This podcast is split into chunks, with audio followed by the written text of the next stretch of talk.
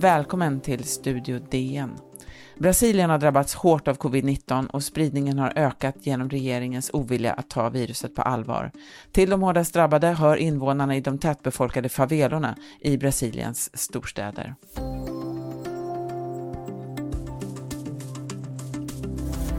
Arbetslösheten slår hårt mot de som redan har det knapert.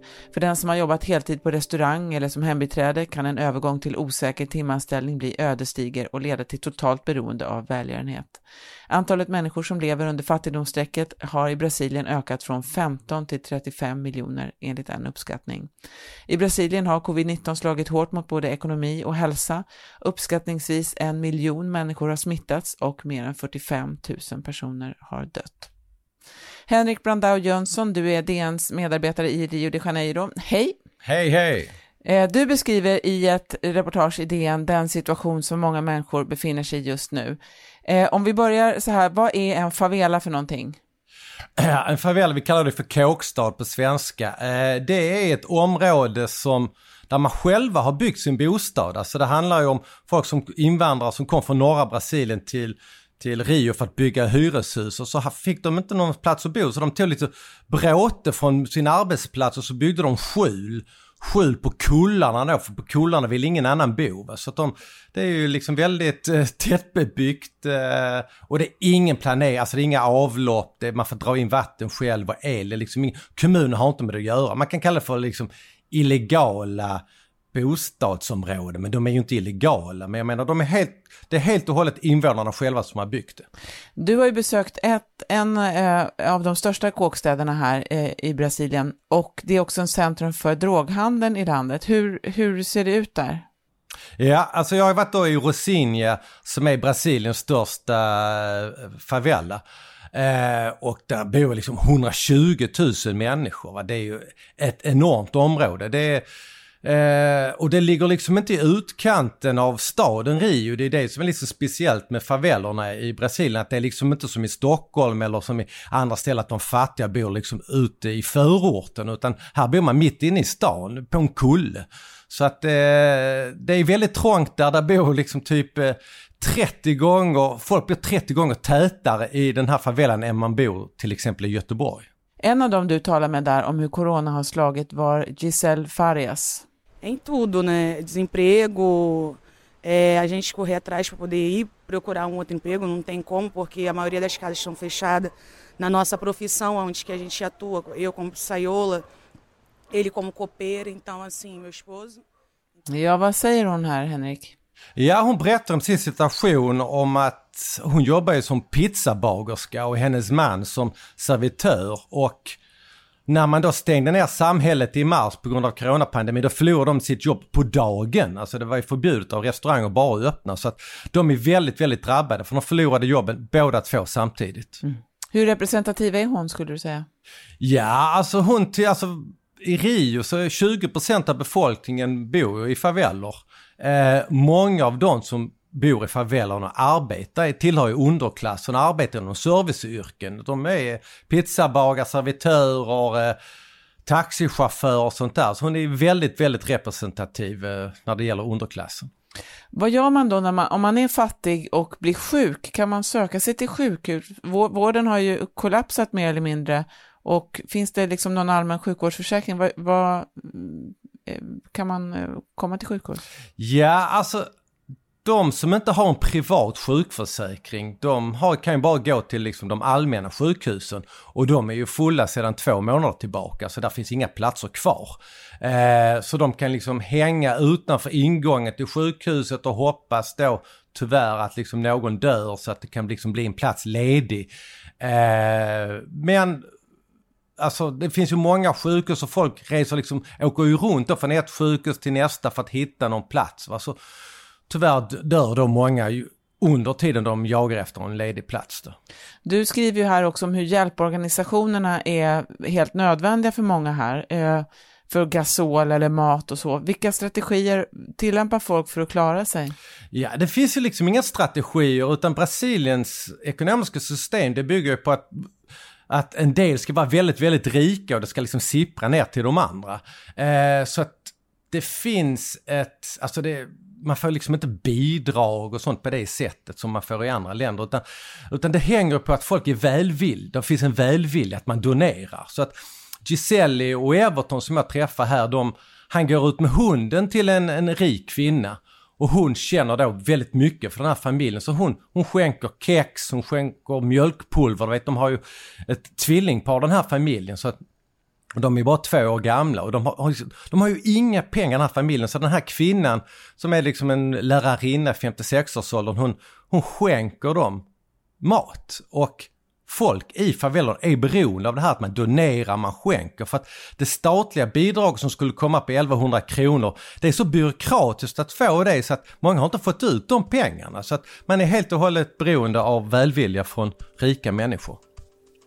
Vi ska strax prata mer om läget för de fattiga i Rios kåkstäder.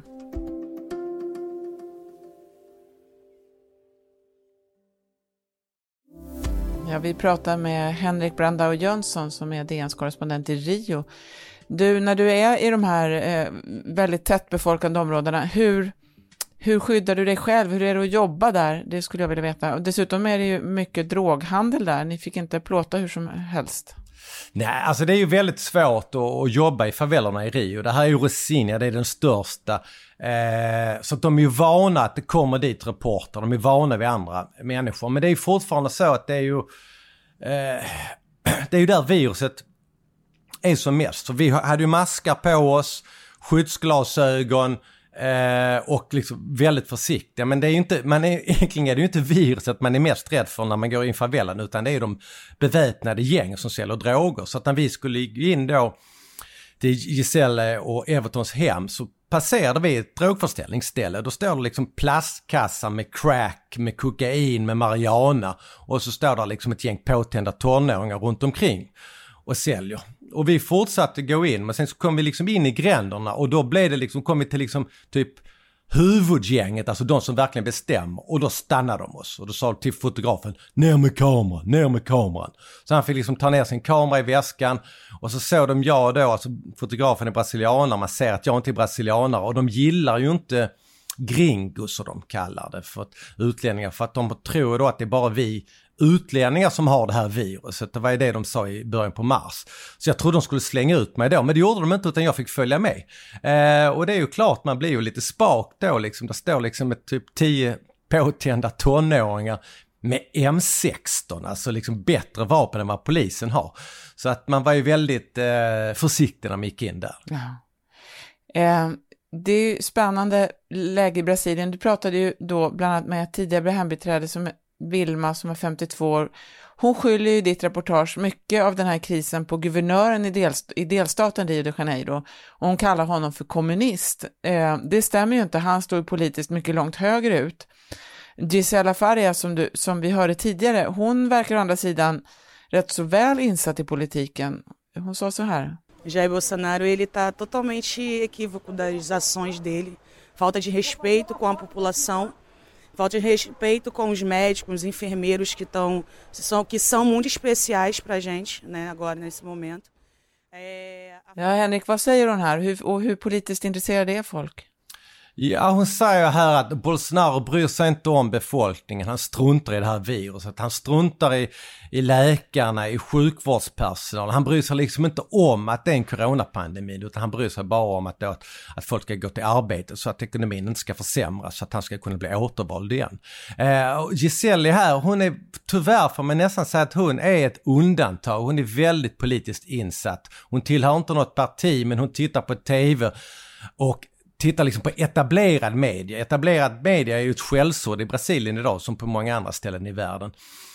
Men hon förstår att det är etablerad media som kan liksom ge information. De andra då, hennes grannar, de, de får meddelanden på Facebook, eh, i WhatsApp och andra i telefonen och det är totalt påhittade meddelande. Som Vilma då, som jag träffade, som trodde då att Witzel är kommunist. Witzel, han behåller, han är inte ens höger, han är liksom, han är långt ute på högerkanten.